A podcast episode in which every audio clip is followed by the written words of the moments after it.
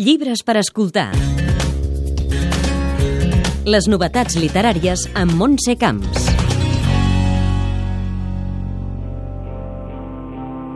Mercè,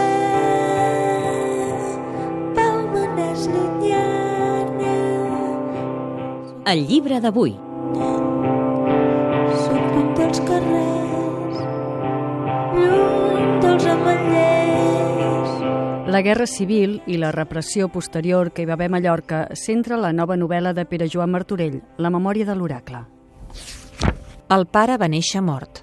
El seu destí estava escrit des de la nit dels temps en algun lloc desconegut i remot, des de molt abans que ell pogués abastar el domini de la llum. Abans del primer raig d'aquella última albada, quan els galls començaven a avisar els homes de la fi prematura dels dies, ell ja coneixia la voluntat última de la providència. Una dona, acompanyada dels seus dos fills, els bessons Jacob i Jeremies, busca el seu marit desaparegut poc després de l'inici de la Guerra Civil en un petit poble de Mallorca. Amb aquesta premissa, l'escriptor mallorquí situa el lector en una atmosfera densa i opressiva d'uns anys plens de dolor, amb personatges marcats per l'absència. Un retrat de l'horror que alhora vol ser líric. Era parlar de la guerra però des d'una perspectiva diferent. Molts de llibres s'han escrit ja sobre la guerra civil i en documentació històrica i en fets i amb el desembarcament. Per tant, la idea era trobar un, un punt de vista alternatiu, una perspectiva diferent eh? i sobretot una manera de narrar, posar l'èmfasi el llenguatge, en el lèxic, a la, a la prosòdia, en tot això que fa que pot ser el text sigui líric o, o poètic. Una història, diu l'autor, que pot haver passat a Mallorca o a qualsevol part del món on s'ha viscut una guerra i on reflexiona també sobre l'ambigüitat de la naturalesa humana, la pèrdua i la follia. La pregunta és, aquesta persona, arran de tota aquesta vivència i aquesta experiència, és a dir, això l'ha afectat de tal manera que ha perdut el cap, o bé genèticament ja duia alguna qüestió inserida en algun cromosoma que feia que s'hagués de, de despertar la bèstia en un moment donat. Eh? Per tant, què som nosaltres? Som genètica, és a dir, som herència, o som, o som experiència, som vivència. La memòria de l'oracle va guanyar el Premi Mallorca de Narrativa i va aparèixer en una edició que no va permetre que el llibre tingués visibilitat. Ara, Edicions de 1984 el publica com una de les seves novetats destacades de la temporada. Happy, happy, ai, ai, Sortits d'impremta.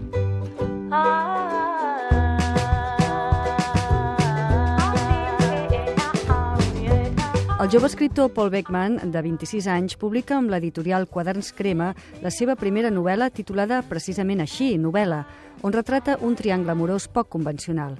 Una obra ambiciosa que fa un joc permanent entre realitat i ficció i amb la metaliteratura com a rerefons. aquest joc permanent entre realitat i ficció. És una novel·la que també cal entendre-la. Jo, jo abans havia escrit uns quants contes i alguns tenen a veure doncs, amb això, amb aquesta relació entre personatges i autors, aquesta relació de, de domini, de rebel·lió, eh, aquesta superposició de, de realitats, la pròpia consciència del personatge de no existir, tota una sèrie d'elements que a mi com a autor sempre, sempre m'han fascinat. perquè ens perdoni la guerra, que l'ensagna, que les guerres, les guerres, les Joan Sales, autor, entre d'altres, d'Incerta Glòria, va morir fa 35 anys i l'editorial Club Editor ho comemora amb diferents activitats o publicacions.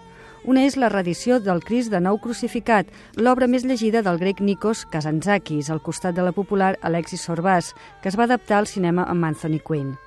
El Crist de Nou Crucificat el va traduir en el seu moment Joan Sales i ara arriba en una versió revisada pel traductor Pau Sabater. Una obra que és una denúncia de l'Església que va passar la censura als anys 50 i que per l'editora Maria Boigues va deixar un rastre molt fort en el lector català i va ser un fonament de la reconstrucció d'una literatura catalana moderna sota el franquisme. És una novel·la que el que ve a dir és que l'Església en si és un instrument de poder absolutament hipòcrita i explotador i que el cristianisme és la revolució. En el fons el missatge és aquest. És un llibre que va fer que molta gent que no tenia estrictament cap contacte amb la literatura escrita en català descobrís que en català es podien fer coses com ara aquella. L'escriptor té l'última paraula. El temps per llegir, igual que el temps per estimar, dilata el temps de viure. Daniel Penac. Llibres per escoltar. Les novetats literàries amb Montse Camps.